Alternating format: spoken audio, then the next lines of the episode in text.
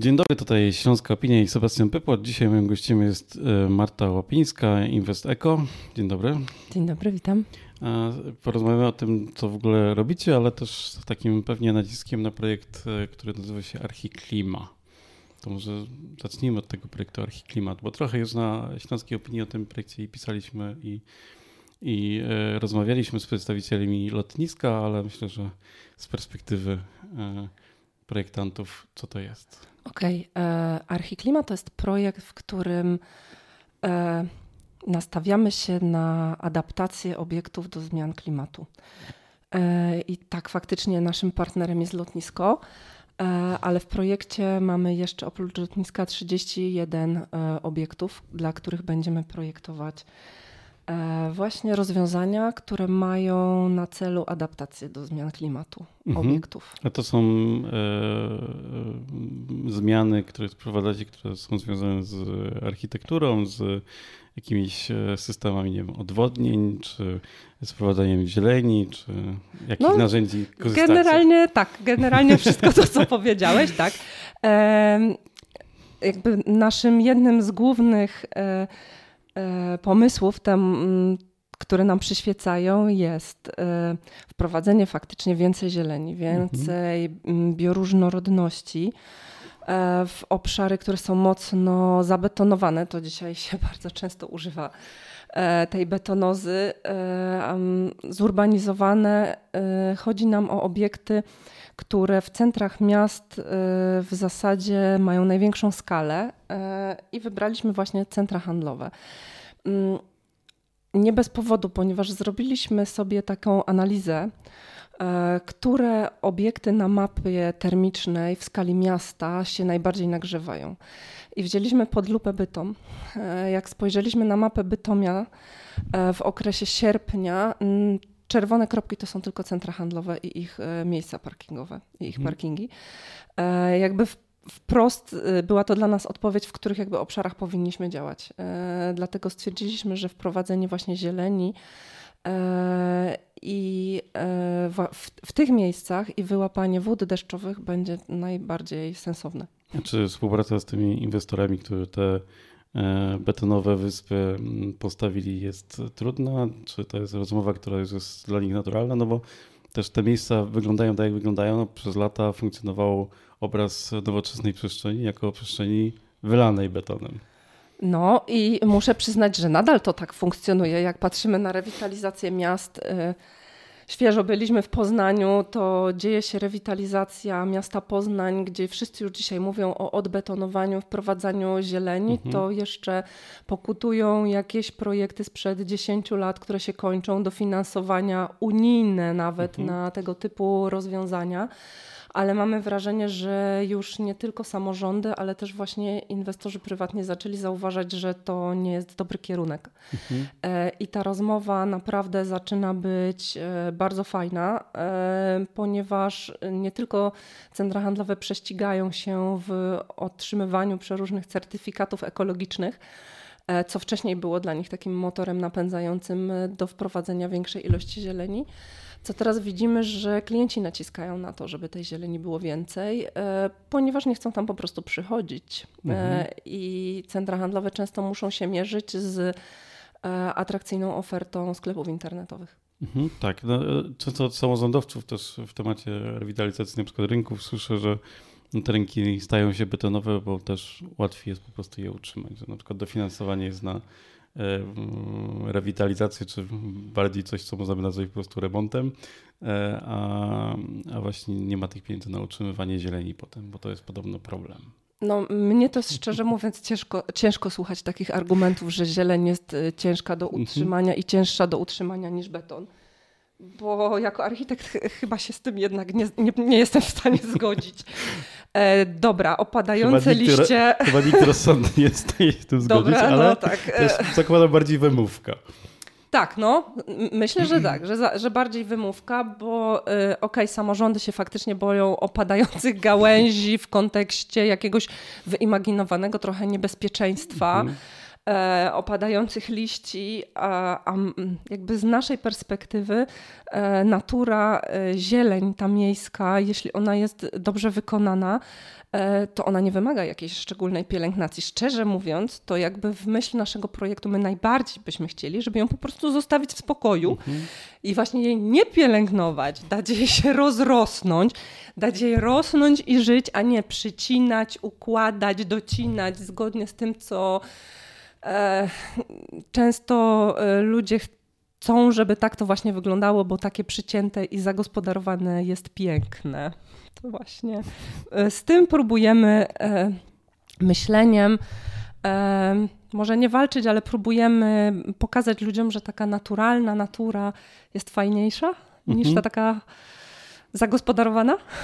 No dobrze, ale przyjeżdżacie z zespołem na Międzynarodowego Portu Lotniczego w Katowicach do Faktory w Krakowie, do Home Parku w Franowo w Poznaniu stoicie na tym betonowym, asfaltowym parkingu e, i. I co dalej? I co dalej? Okay. Bo jeżeli chcecie tam wprowadzić dzielnic, zakładam, musicie nie wiem, przekonać inwestora do tego, że trzeba zlikwidować miejsca, kilka miejsc parkingowych co najmniej. E, no właśnie to jest jeden to z takich naszych... Naj, najprostsze rozwiązanie, jakie No to tak, jako, można tak powiedzieć, że mm, wprost się rzuca e, likwidacja miejsc parkingowych, a wiemy, że nikt ich nie będzie chciał likwidować. Mhm. Nie? E, w przypadku lotniska, my z lotniskiem rozmawialiśmy jeszcze zanim napisaliśmy ten projekt, więc już jakby w głowie mieliśmy, co w ogóle można zrobić. Na lotnisku okazało się, że wśród miejsc parkingowych jest mnóstwo takich przestrzeni, które są wyłączone z ruchu, czyli mówiąc wprost, zamalowane białymi E, paskami, po których nie wolno jeździć, a są asfaltowe i naprawdę jest ich sporo. Znaleźliśmy ponad 2000 e, metrów kwadratowych takich miejsc, które po prostu e, można ten asfalt usunąć i zamiast niego wprowadzić zieleń. I to jest nasze działanie, czyli mhm. najpierw mamy taką koncepcję, że najpierw poszukujemy miejsc, które są niepotrzebnie zabetonowane, a można by było zrobić je zielonymi. I w przypadku e, centrów handlowych bardzo często to są przewymiarowane chodniki dziesięciometrowe, po których e, podąża jedna samotna osoba z wózkiem, e, które co najmniej w połowie można by było zamienić na tereny zieleni. A w drugiej kolejności zajmujemy się istniejącymi terenami zieleni, czyli chcemy jakby zmienić ich charakter, zamienić spalony trawnik na coś bardziej bioróżnorodnego, coś bardziej wilgotnego. Mogą to być łąki kwietne, mogą to być ogrody deszczowe, które wyłapią od razu deszczówkę, ale jakby zmienić sposób myślenia o, o istniejącej zieleni y, zarządców i właścicieli tych obiektów. Mhm. A czy w tych planach są też zielone dachy? Ja pamiętam, że jak w Katowicach przymierzano się do przebudowy mm, dworca i budowy Galerii Katowickiej, to na wizualizacjach e, królowały zielone dachy, z których których nie ma. Których nie ma. E, właściwie chyba jedyny zielony dach w Katowicach, jaki posiadamy, pomimo tego, że na wielu wizualizacjach tak, takie elementy się pojawiały, to e, nawet nie całe, tylko fragment dachu e, Centrum Kongresowego. Więc to, to jest jakiś rzecz, o której też myślicie, czy to jest rzecz, o której przykład architekci często myślą, ale potem okazuje się, że jest po prostu nierealistyczne. Yy, nie, nie, nie. My myślimy o tym. Mamy troszkę trudniejszą sytuację, ponieważ my mamy istniejące, mhm. o, pracujemy na istniejących obiektach. I yy, zbadaliśmy już parę obiektów i to, czy jest możliwość wykonania zielonego dachu, mój projektant konstrukcji powiedział mi wprost, zależy od tego, czy ten projektant, który projektował budynek, założył po prostu mhm. trochę rezerwy nośności, czy nie. Jeśli wyżyłował ten dach na styk, no to mhm. po prostu nie ma tam żadnych dodatkowych kilogramów, które moglibyśmy zamienić dzisiaj na zielony dach. Mhm. Pytam trochę w tym kontekście, e... żeby się dowiedzieć, czy to w ogóle no to właśnie, czy to jest rozwiązanie, w ogóle, które jest praktyczne i które, o którym powinno się myśleć. Jest praktyczne i w ogóle jest e, super, bo mhm. przykłady z całej Europy pokazują, że e, w centrach miast e, przestrzenie na zielone dachy to będą ogromne przestrzenie zieleni w miastach. E, które łatwo zamienić. Trochę łatwiej to zrobić w przypadku budynków betonowych, trochę trudniej w tych konstrukcji stalowych. To już nie chcę się zagłębiać może w szczegóły, ale y, udaje nam się to robić w tych projektach, które mamy założone. To znaczy, sprawdzamy każdy obiekt, czy jest możliwość wykonania zielonego dachu i dajemy taki feedback inwestorowi. Y, Zazwyczaj są to te dachy lekkie, yy, czyli nie te intensywne, tylko te ekstensywne z mchami, porostami, mhm. yy, bylinami. Yy. Co do dachu na y, dworcu, nie mam pojęcia, dlaczego tam on nie został wykonany. A co do dachu na centrum kongresowym, bardzo szanuję, że on tam został zrobiony, mhm. ale jeśli mogłabym jakąkolwiek sugestię dodać, to chcielibyśmy tam zobaczyć coś mniej monokulturowego niż trawnik. Mhm. Chyba tak wszyscy mają taki, takie marzenie.